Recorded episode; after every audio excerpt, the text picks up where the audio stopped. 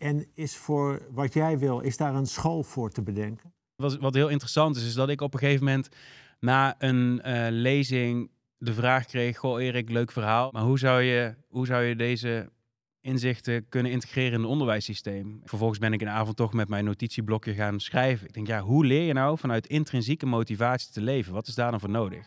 En het eerste wat daarvoor nodig is, is, is ruimte. Dus op het moment dat iemand anders voor jou bepaalt wat jij gaat doen, dan zul je nooit vanuit jezelf leren leven.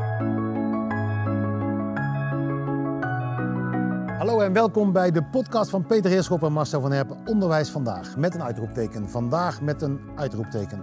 Niet omdat vandaag de belangrijkste dag is, morgen is het namelijk alweer voorbij. Maar omdat we alleen vandaag hebben om te doen wat nodig is. Onderwijs mag leren van het verleden, zich richten op de toekomst, maar het moet vandaag gebeuren. En daarom bespreken we in deze onderwijspodcast vandaag. Omdat er veel gebeurt, omdat er veel te leren en te lachen is, maar ook omdat we ons soms zorgen maken. We spreken met studenten, docenten, gasten, tips, tops, vrolijkheid en ongemak. We duiken in de hogeschool, de hogeschool van vandaag. En we zitten in de geluksweek bij Fontes. Peter, hoe zit jij erbij? Nou, uh, ik kijk uh, rijkhalsend uit. Want dit zijn, uh, er zijn twee gasten waarbij ik me even, uh, ik, ik heb me even ingelezen. Nou, dat vind ik wel verrassende gasten. Ja, toch? Ja. ja. Nee, Bodewes. Uh, dat is de tweede gast. Maar we beginnen met Erik Meister. Erik, we hebben jou aan boord gekregen in deze podcast. Uh, ja, een onderwijspodcast, omdat je nou, op heel veel, verscheren, uh, heel veel manieren iets met onderwijs te maken hebt. En ook niet, dat vonden we interessant. Als je op jouw, uh, jouw site kijkt, dan kom je op een hele professionele site met iemand die ontzettend veel ervaring heeft opgedaan. Mag ik jou eens vragen, ben je eigenlijk ooit geschikt geweest voor het onderwijs, Erik? Nou, in ieder geval niet voor het onderwijs dat ik genoten heb. Nee. Nee, dus, dus als ik al geschikt ben voor het onderwijs, dan zie ik eerder het leven als één grote onderwijsinstelling. Waarbij ik zeer geschikt ben voor het leven. Uh, maar niet per se om dan binnen dat leven in een gebouw te zitten aan een tafel. om daarvan iemand te horen te krijgen hoe dat leven dan in elkaar zou moeten zitten.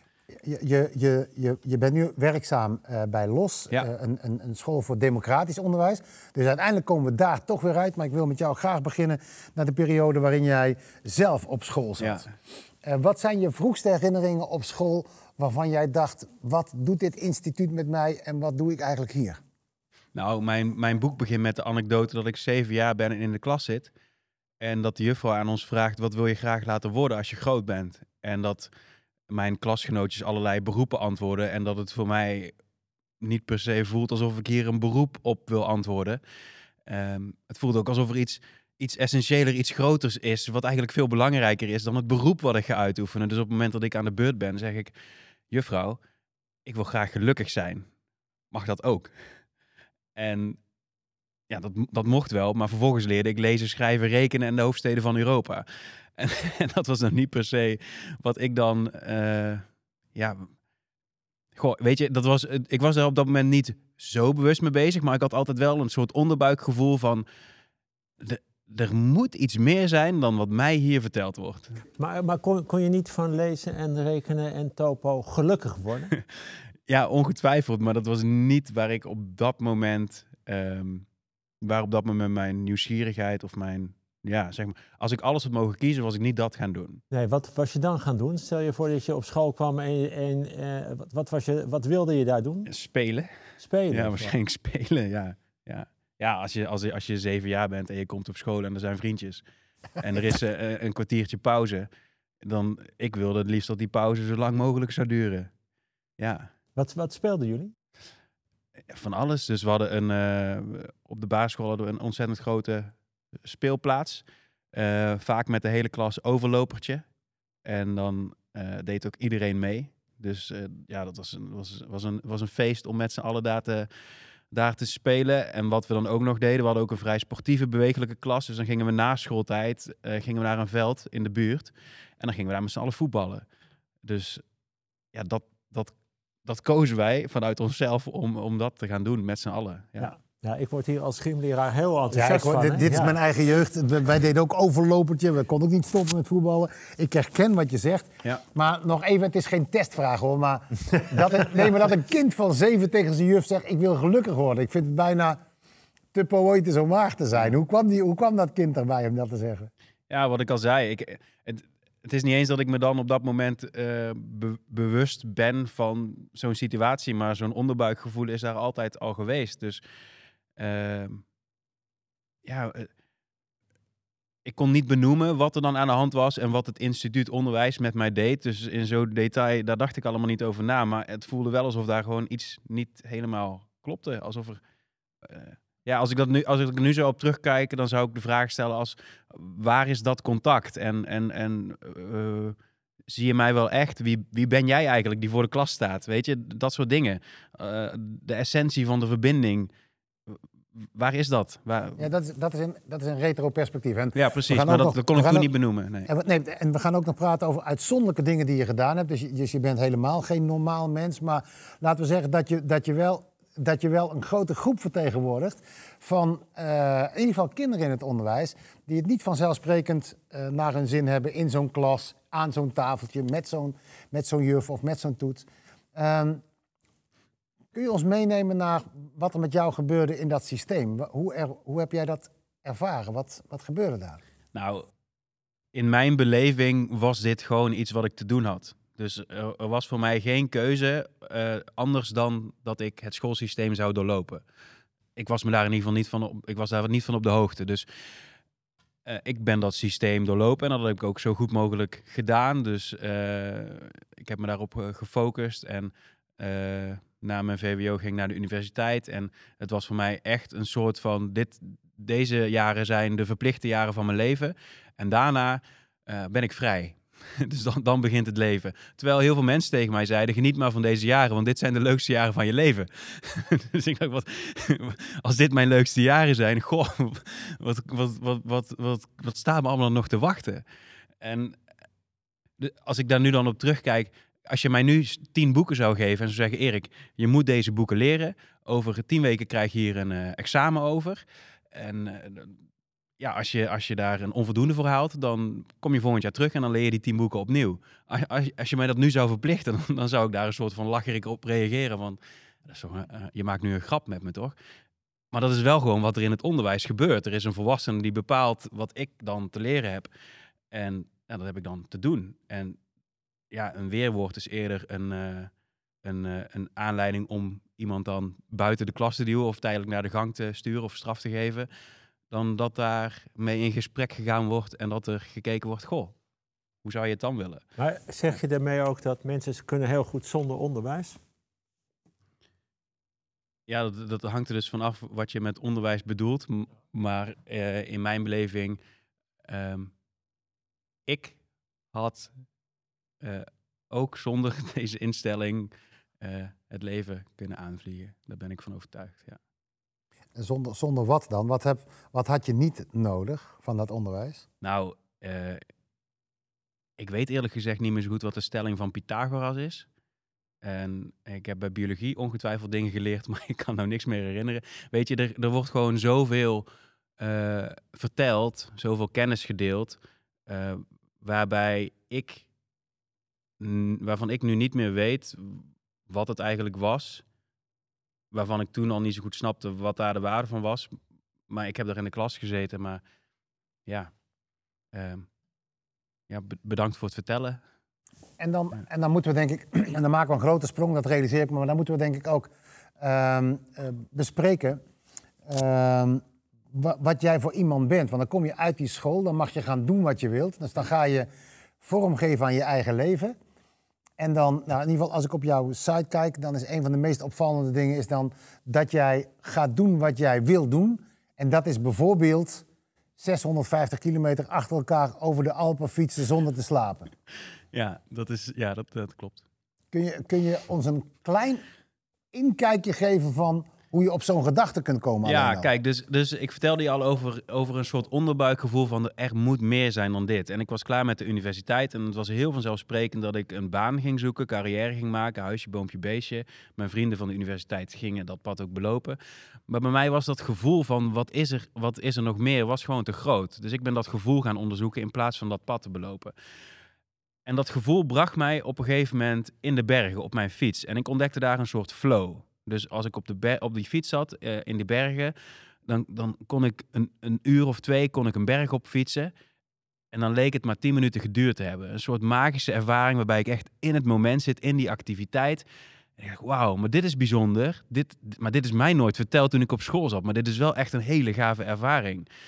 Hier wil ik meer van weten. En ik, ik begon gaandeweg te fantaseren over een soort eindeloze flow. Stel je voor dat je dat, je dat magische gevoel dan een leven lang kan volhouden. Nou kon ik geen leven lang op de fiets zitten, dat snapte ik ook wel. maar toen ontdekte ik dus La Route Grande Zalp. En dat is inderdaad die, die route over 14 bergen.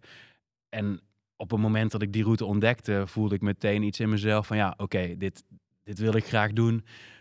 Dit is een kans om te onderzoeken wat er met de mens gebeurt als hij nou ja, uiteindelijk 36 uur achter elkaar op de fiets zit in die, in die flow. En wat er dan, ja, wat is dat precies?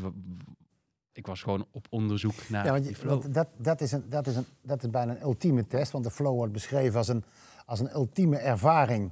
Waarbij je de tijd inderdaad vergeten enzovoort, maar die ook begrensd is. Maar jij hebt echt gedacht van ik ga mezelf eens in een, in een situatie brengen waarbij ik hem onbegrensd maak. Ja, ja ik wilde echt uh, tot de tot de kern van flow doordringen. Ja. ja. En ben je er gekomen? Ja, ik. Uh, wat, er de, wat er op een gegeven moment gebeurde, is. Dus we hebben allerlei gedachten in ons hoofd van hoe het leven zou moeten zijn. En, en die gedachten heb ik ook gehad. En toen ik communicatie studeerde op de universiteit, is dat eigenlijk alleen maar meer geworden. Want ik werd er heel erg op ge, uh, gewezen hoe ik mij moest gedragen. Wat, uh, wat de ideale vorm van communicatie is. Welke kleren ik aan moet. Hoe, welke woorden je moet gebruiken om zo goed mogelijk over te komen. Dus mijn hoofd werd eigenlijk gevuld met overtuigingen van hoe ik mij zou moeten gedragen en hoe ik zou moeten leven.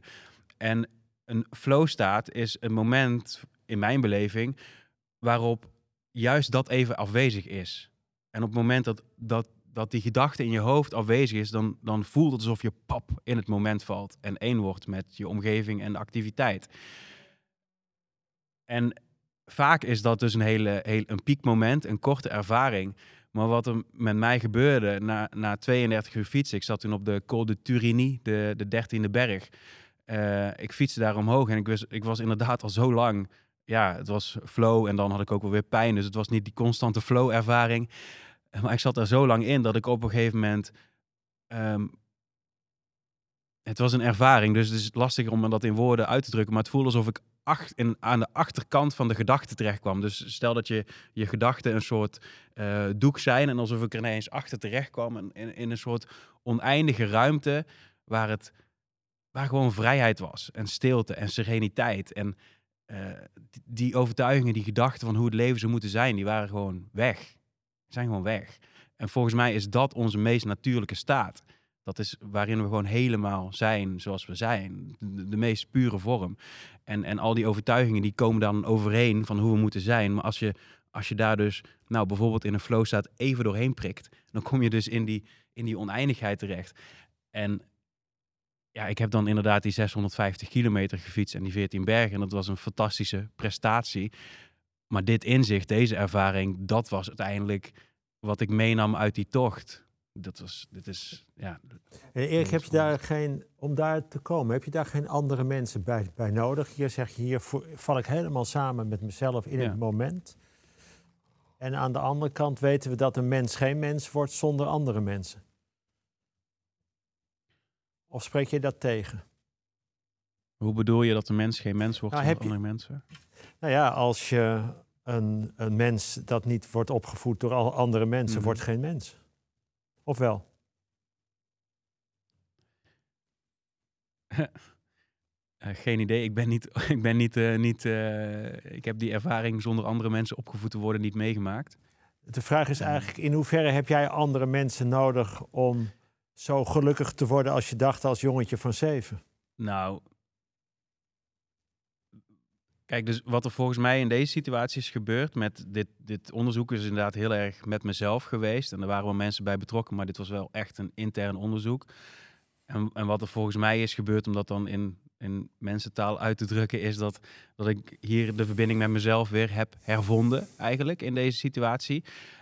En dat ik sinds dat ik daarna weer terug ben tussen de mensen, na mijn, uh, na mijn avonturen eh, weer in Nederland ben gekomen, dat ik vanuit mezelf contact kan maken met andere mensen. En volgens mij is dat, weet je, dan maken we echt verbinding met elkaar. Als Want hoe zet je dat in nu? Wat, eh, hoe, hoe draag je dit over aan andere mensen? In welke vorm? Ehm, nou ja, dus in welke vorm? eh, Want je geeft ook je- les nu, toch? ja, nou ja, Les onderwijs. ja, dus ik, Ja. ik, ik geef Maar inderdaad onderwijs is eh, niet lekker. lezingen, theater, eh, democratisch onderwijs. Ja. Er is ook iemand die, die anderen vertelt hoe het, hoe het ook kan. Of hoe gaat dat? Nee, voor mij voelt het meer alsof, eh, weet je, ik ben wie ik ben. En ik speel geen rol. Ik speel geen rol als ik in theater sta. Ik speel geen rol als ik een... Ik heb gisteren mijn verhaal hier verteld tijdens de Dutch Happiness Week. Maar ik sta daar zoals ik nu ook dit verhaal tegen jou vertel. En ik ben precies dezelfde jonge man op, op school als dat ik hier ben. Het is niet zo dat ik dan eh, ineens de rol leraar aanneem en daar eh, die, die school binnenstap. En het Maar op welke manier ver- verbind je je met, met, met de luisteraar, met de toeschouwer, met degene met wie je omgaat? nou, Of moeten zij maar ervan oppikken wat, wat er van op te pikken valt? Of, Nee, wat, wat er. eh, dus hoe het in mijn beleving gaat, is ik. ik, ik eh, nou ja, dit is wie ik ben. Ik ben gewoon. Ik ben open. En daar is. Er is geen masker of zo. Zo voelt dat in ieder geval Hmm. niet. En als dat er wel is, dan wil ik dat graag onderzoeken. Ehm, en wat er daardoor gebeurt, is dat we met z'n allen in een energie terechtkomen van openheid. En waarin iedereen eerlijk mag zijn naar zichzelf en naar elkaar. En maar, maar ben je in mij geïnteresseerd? ik ben wel in jou geïnteresseerd, maar nu stel jij mij de vragen, toch? Oh, sorry hoor. Je, je bedoelt of ik in jou geïnteresseerd ben? Ja. Want, dit- want je zegt, ja, ik ben wie ik, wie ik ben. En, en ik voel daar ook een beetje uit dat je zegt... en, en daar, daar kunnen mensen uitpakken wat ze willen. Nee, ik ben... Ik ben nee, ik denk juist als je de kinderen op, eh, op eh, school gaat vragen... eh, wat ik daar zoal doe en wie ik dan ben... is juist dat ik super geïnteresseerd ben in hun... en wat hun belevingswereld is en wat ze drijft. Ja. En, maar, en, en dat gevoel heb jij gemist vroeger. Die interesse die, die jij nu hebt in kinderen. Het is, het is eh, ja, die interesse deels, eh, maar ook de ruimte. Dus het is enerzijds de interesse, maar ook de ruimte om vervolgens wel... Ik bedoel, ik kan dan wel benoemen wat mijn interesse is. En mensen vroegen mij ook, goh, wat is jouw interesse? Maar vervolgens ook de ruimte en de ondersteuning krijgen om iets met die interesse te doen. Oké. Ja. Ja. Is daar, en is voor wat jij wil, is daar een school voor te bedenken? Ja, die is er. Ja. Vind je dat je dat praktiseert met de democratische school waar je nou Absoluut, zit? ja. Nou, dat is, wat, wat heel interessant is, is dat ik op een gegeven moment na een eh, lezing de vraag kreeg: Goh, Erik, leuk verhaal. Jullie, dus, dus 650 kilometer, 14 bergen en, en nou ja, de, de inzichten die daarbij komen kijken. Maar hoe zou je, hoe zou je deze inzichten kunnen integreren in het onderwijssysteem? En ik dacht bij mezelf: ja, dat is wel een leuke vraag, maar ik ben. Ik, ik vertel mijn verhaal en ik heb nooit nagedacht over hoe onderwijs er dan anders uit zou zien. En Ehm, vervolgens ben ik een avond toch met mijn notitieblokje gaan schrijven. Ik denk, ja, hoe leer je nou vanuit intrinsieke motivatie te leven? Wat is daar dan voor nodig? En het eerste wat daarvoor nodig is, is, is ruimte. Dus op het moment dat iemand anders voor jou bepaalt wat jij gaat doen, dan zul je nooit vanuit jezelf leren leven. Dus, dus ik, ik schreef zo een aantal van die dingen op. En vervolgens word ik uitgenodigd om mijn verhaal te vertellen op een democratische school. En ik stap die school binnen en denk, verhip, dit is gewoon precies wat ik in mijn notitieblokje heb opgeschreven. Dus het voelt inderdaad als eh Je kwam thuis. Ja, echt. Ja. Dané Bodewes, jij zit hier naar te luisteren. Je bent onderzoeker bij Fontes. En jij doet eh, onderzoek naar nieuwsgierigheid en alles wat daarbij komt kijken. Hoe kun je nieuwsgierig worden naar nieuwsgierigheid? Ehm, nou, door me eh, bewust te worden dat dat eigenlijk eh, ehm, nou ja, het missende puzzelstukje was. En er waren heel veel aanleidingen voor. Eh, als ik naar dit verhaal luister, een van de aanleidingen was eh, dat eh, bijvoorbeeld in mijn gezin heel veel mensen niet per se goed passen in het onderwijs. Ja. En dat ik zelf altijd heel erg heb gehouden van hele nieuwsgierige, ondernemende mensen. Dat ik me altijd zo verwonderde dat dat niet per se de mensen waren die het, zo, die het goed deden in het onderwijs of waar de kwaliteiten van werden gezien. En daar verwonderde ik me echt enorm over. Van hoe kan dat nou? Dat, dat zijn juist de mensen eigenlijk die ik bewonderde, waarvan ik dacht, jeetje. Nou ja, die zien het, die, die, die doen het, die, eh, eh, noem maar op. Maar ehm, ja, eigenlijk leek het, nu zeggen we ook van dat soort mensen willen we. Maar ja, helpen we die mensen ook? Spreken we dat ook aan eh, bij jongeren, bij volwassenen die dat uit zichzelf al kunnen? Uh, nou, volgens mij niet. Um, ik heb zelf hard gewerkt aan onderzoek en onderwijsontwikkeling op het gebied van de ondernemende houding. En ook daar liep ik er eigenlijk tegenaan van, hè? Ja, maar het moet van binnenuit komen. je moet kansen zien, kansen benutten. En waarom zien studenten die kansen niet? In ieder geval, dat dacht ik in mijn naïviteit. Um, en voor mij viel het kwartje toen ik Nienke Meijer, de oud-voorzitter van het college van bestuur van Fontis, hoorde praten over leven lang nieuwsgierig. En toen had ik zoiets van, ja, maar dat is het. Want het gaat gewoon om dat je iets wil leren, wil begrijpen, wil ervaren. En als je, als je dat uh, hebt, dan, ja, dan kom je vanzelf in beweging. En dan kan je doorzetten. En nou ja, ik leerde later ook, want ik vond het zo geweldig dat ik ook echt gewoon dezelfde dag in de boeken ben gedoken. En om me heen ben gaan kijken van hoe werkt dit nou? En dan leer je ook dat bijvoorbeeld, uh, als je nieuwsgierig bent, dat je makkelijker in een uh, staat van flow komt. Um, en... Um, en ook toen realiseerde ik me pas bijvoorbeeld, uh, bij mij ging het allemaal best makkelijk in het onderwijs. Maar toen ik uh, ging werken aan nieuwsgierigheid, merkte ik van jeetje, maar dit gaat opeens leuk en makkelijk. Dit geeft veel energie. En nu zie ik zelf echt al die kansen. Zo van jeetje, jeetje, oké. Okay. Weet je wel, dit, dit kan allemaal. En uh, dat was voor mij. ja, Ken de, jij de, de voor jezelf de onderwijservaring die Erik ook heeft gehad op de basisschool? Jij op de basisschool? Nou, wel het, het, gedeelte van het verhaal dat ik zoiets had van hier moet ik doorheen en daarna kan ik uh, doen wat ik wil.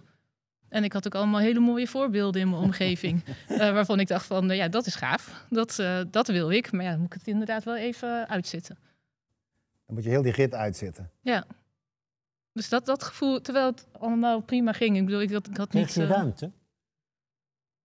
Um, ik heb eerst op een uh, particuliere school ben ik begonnen, omdat mijn ouders dus de ervaring hadden dat, uh, dat je moet investeren in onderwijs. dat je uh, maar beter kan zorgen dat er aandacht is voor kinderen. en daar vond ik hele, ja, waren echt wel geïnspireerde, fijne docenten, zeg maar, die ook echt, nou ja, um, die ook specialisaties mochten hebben en dan heel gedreven waren daarvoor. Dat vond ik heel erg leuk. En toen kwam ik op een andere school en toen dacht ik, wow, dit is heel anders. Dit is, uh, ja, toen voelde ik me minder uitgedaagd. En uh, toen voelde ik ook minder, uh, ja, nou ja, toen voelde het gewoon ja, wat platter, vlakker aan, minder interessant. Zit het in, dat is voor beiden een vraag, zit het in het systeem of in de mensen die daarin werken? Voor, voor mij, in de mensen. in, oh, nee, allebei. Het, um, het is um, allebei. Nou, voor mij, uh, en dan pak ik maar gewoon even daar de ruimte voor. Maar voor mij is daarom ook nieuwsgierigheid zo belangrijk. En niet hoe maken we mensen nieuwsgierig, maar veel meer eigenlijk een soort uh, emancipatie van de nieuwsgierige mens. Van hoe leer je nou van wat maakt mij nieuwsgierig? Wat dempt mijn nieuwsgierigheid? En dat je zo um, minder afhankelijk bent van, oké, wat doet het systeem? Maar uh, hoe vind ik zelf mijn, mijn pad daarin? Hoe ga ik uh, daar in het werk? En um, als je dat weet van wat prikkelt en dempt mijn nieuwsgierigheid, dan ben ik overtuigd dat je dan dus makkelijker de dingen kan gaan doen, um, waardoor je je potentieel kan benutten. En uh, het is heel makkelijk om je nieuwsgierigheid te laten dempen. En, dus dat is wel het systeem wat het uh, Hoezo is dat makkelijk? Bedoel je, bedoel je dat het snel gedempt wordt?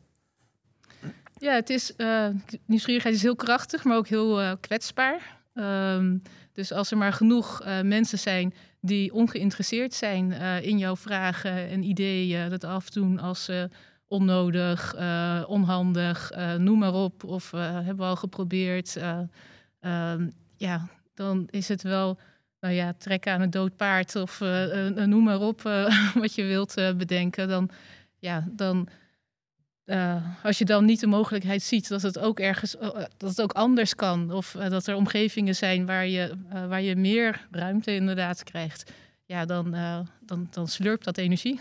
Ben je, ben je, breed nieuwsgierig of ben je vooral in een aantal, op een aantal gebieden heel nieuwsgierig? Uh, ik zie mezelf wel als uh, breed nieuwsgierig, maar ik vind het wel heel leuk in die breedte ook de diepte in te gaan. En dan in de diepte weer de breedte. okay, dus het, het, gaat voortdurend. Uh, ja. ja, dus dat, uh, is ook, dat is dus ook mijn valkuil. Dus er zitten ook nadelen aan nieuwsgierigheid. Maar ik vind het wel heel heerlijk om uh, ja, ook. ja, ik weet niet, om je bewust te zijn van je omgeving en je te laten inspireren door je omgeving. Nou ja, en die, die, ja, het is, is natuurlijk lekker divers. af en toe? Dat je, soms is het, lijkt het me ook fijn als je denkt, nou, nu is het even zo dit is nu eenmaal wat het is. Ik ga daar niet meer verder over nadenken. Ja, dat vind ik dus heel uh, lastig inderdaad om dan te stoppen. Dus ik herken wel het idee, uh, bijvoorbeeld, ik kom nu eigenlijk ook met mijn onderzoek naar nieuwsgierigheid, merk ik dat ik heel erg vaak in een staat van flow terechtkom. Um, en eigenlijk is dat heerlijk, um, uh, maar ik heb, ik heb een gezin. Ja. ik, heb, uh, ik heb andere. Waar is, waar is moeder? Die zit in, die zit in flow. ja, precies. Ja, nou lekker. Uh, hou eens op met dat uh, flowen. Dat, Hou eens op. dat, ben je is... ook bewust van het moment dat je in flow gaat, of bestaat dat niet? Um... Ben je het dan niet, als je er bewust van bent? Nee, het is het moment waarop, waarop je merkt van, oh ja, uh, dat, je, dat je echt zoals dat je, dat je inderdaad uh, auto rijdt of op de fiets zit en denkt van, huh, nee, maar ik ben hier, voor, voor, ik ben door een dorp heen gekomen, ja, maar ik heb het gemist. Ja. Dat, uh, terwijl je wel dus eigenlijk in gedachten helemaal verzonken bent. En, Erik, hoe doen jullie dat op je school met je mensen en je systeem vanuit het democratisch onderwijs, waarbij je probeert om die nieuwsgierigheid permanent op te wekken. Wat, maar, ik, ik weet niet wat het is. Democratisch onderwijs? Ja, dat weet, weet ik niet. Dat vertelt Erik niet. Het is, niet, is niet al het onderwijs in Nederland democratisch? Nee. okay.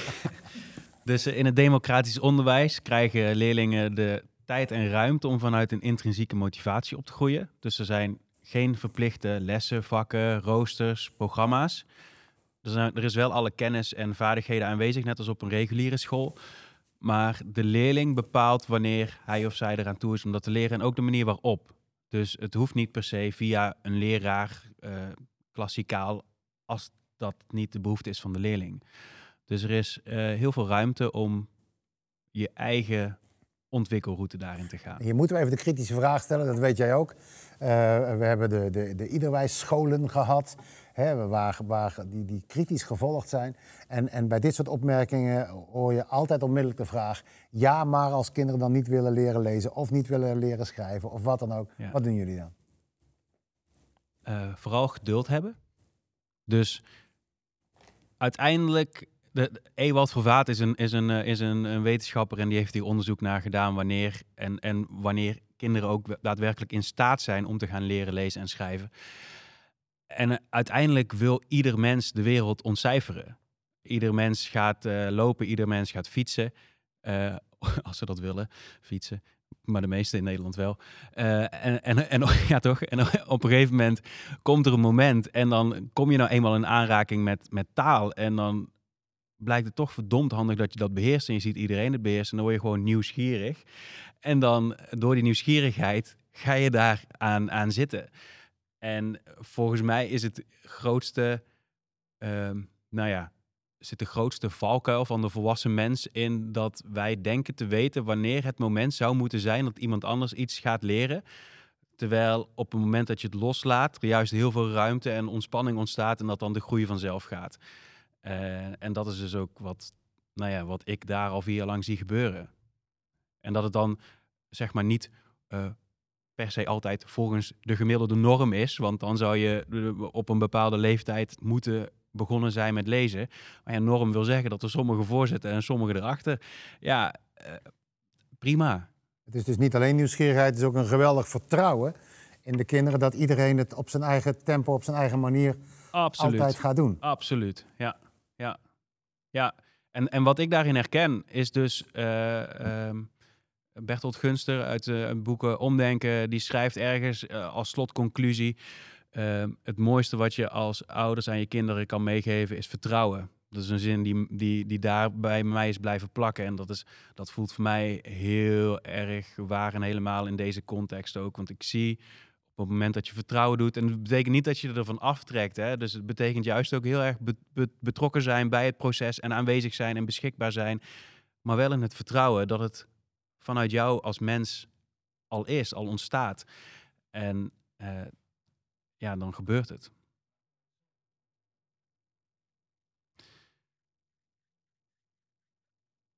Ik, nou, zo, ik, zorgen, uh, groot woord. Wel, ik ben wel nieuwsgierig. Dus um, ik. En, en dat is, ik denk dat dat een heel mooi proces is, want er zijn natuurlijk momenten. Op het moment dat je zorg maakt, kan je ook afvragen wat zegt het over mij? Hè? Dus eh, ben ik dan degene die een bepaald idee heeft van hoe het zou moeten zijn, waardoor ik die zorgen creëer? En dan zegt het misschien helemaal niks over degene over wie ik zorgen heb. En uh, nou, volgens mij is dat wel een, uh, een, een ja, een, een, mooie stap die wij heel, allemaal wel als volwassenen en ook in het onderwijs zouden kunnen maken. Ja, dus ik ben wel nieuwsgierig betrokken en dan gewoon aanwezig eigenlijk, gewoon in contact. Dat is het eerder, ja. Dan heeft ieder mens van nature dezelfde hoeveelheid nieuws, nieuwsgierigheid? Uh, dezelfde mate uh, niet. Ik denk sowieso is het niet dat uh, iedereen zeg maar een, een constante mate van nieuwsgierigheid heeft. Dus iedereen wordt nieuwsgierig geboren. Het is gewoon een, een natuurlijk mechanisme. Um, en uh, het wordt door heel veel dingen beïnvloed. Uh, dus je omgeving, ook door jezelf bijvoorbeeld. Je stresstolerantie uh, heeft daar een invloed op.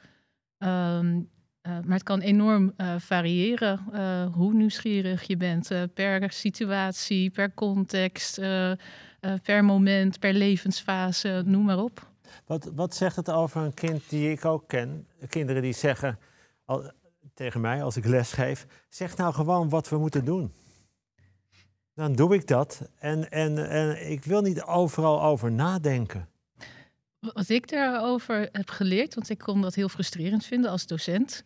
Uh, totdat ik, uh, dat ging dan over uh, een ondernemende houding, dat ik vroeg eh, in een gewoon verslag te schrijven van vind je jezelf ondernemend en waar blijkt dat uit? Ehm, en toen kwamen ze opeens met allemaal verhalen wat ze wel niet allemaal buiten het onderwijs deden. Dit zijn dus HBO-studenten.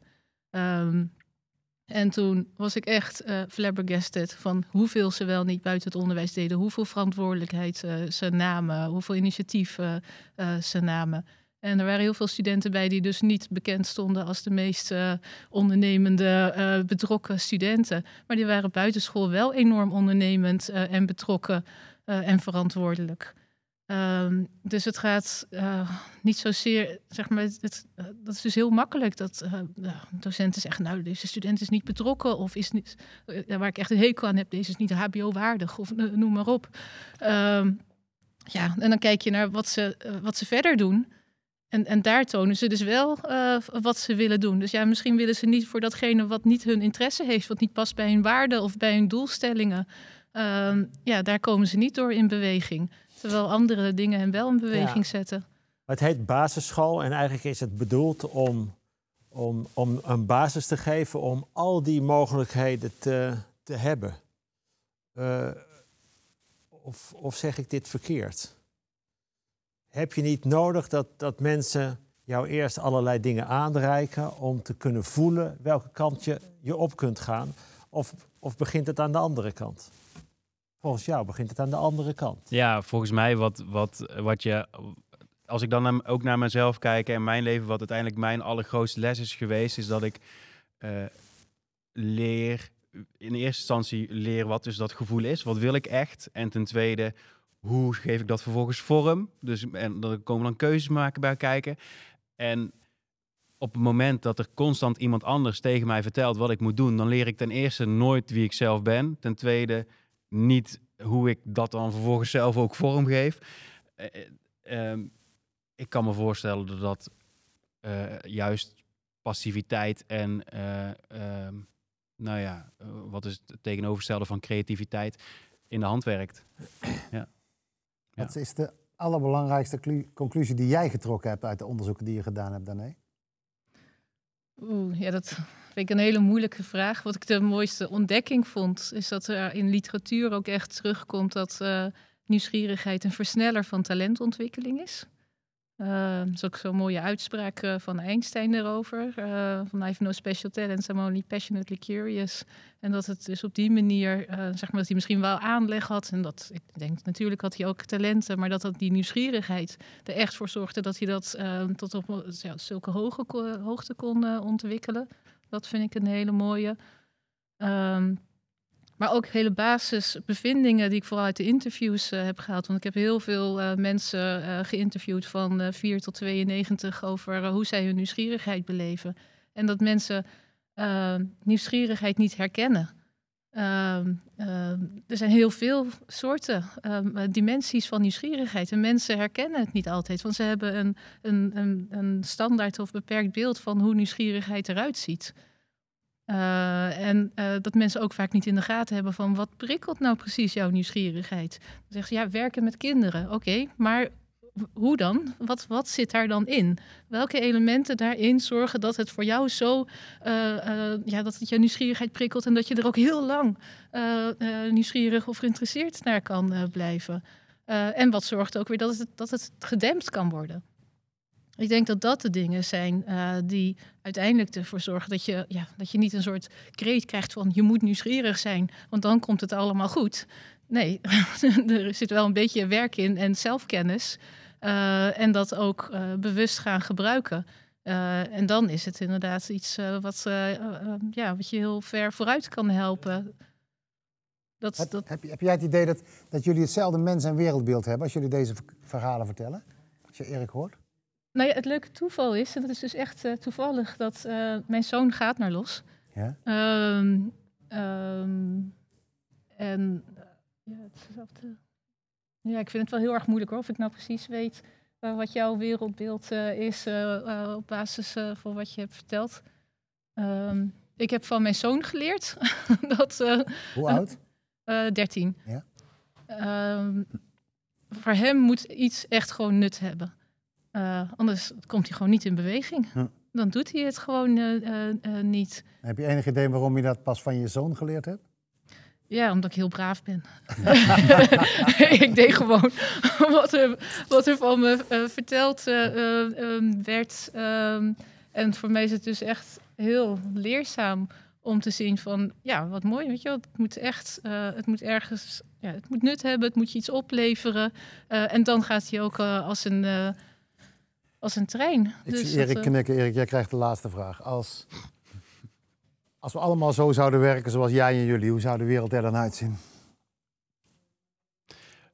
Nou, ik denk dat het vooral belangrijk is dus dat iedereen zijn eigen nieuwsgierigheid volgt. En of dat dan leidt tot dat iedereen dan werkt zoals ik of wij dan werken, dat is dan maar de vraag.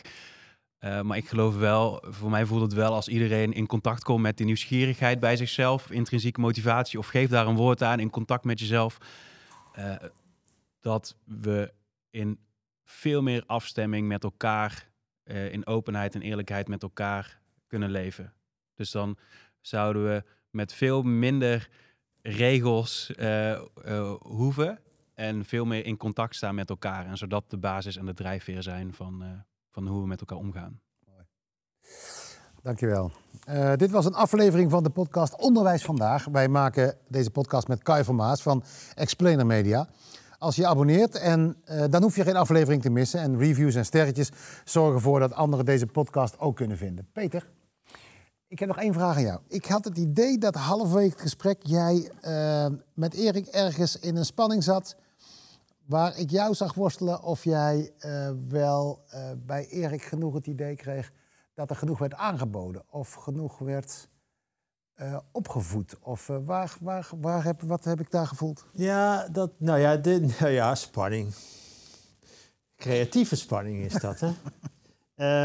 ja, daar, daar, daar, daar moet ik wel goed over nadenken. Ik, kijk, waar we het over hebben gehad, heb ik heel veel over nagedacht en heel veel in geëxperimenteerd.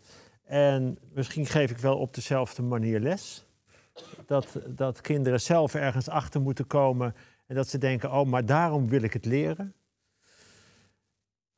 Maar ik zit ook nog. Ik heb zoveel mensen in het onderwijs gesproken die echt iets willen betekenen voor kinderen en die iets willen aanbieden. En, ehm, en dat ik denk, ja, dat heeft ook. Dat is van groot belang dat je kinderen verheft en dat ze snappen waar ze heen kunnen. Dus eh, en, en eh, ik was aan het zoeken of het een het ander uitsluit. Die spanning heb jij gevoeld. Maar eh, dat is voor mij meer een creatieve spanning. Dat ik denk, nou, eens even kijken hoe dat werkt. En het is niet de eerste keer dat ik hierover nadenk. Nee.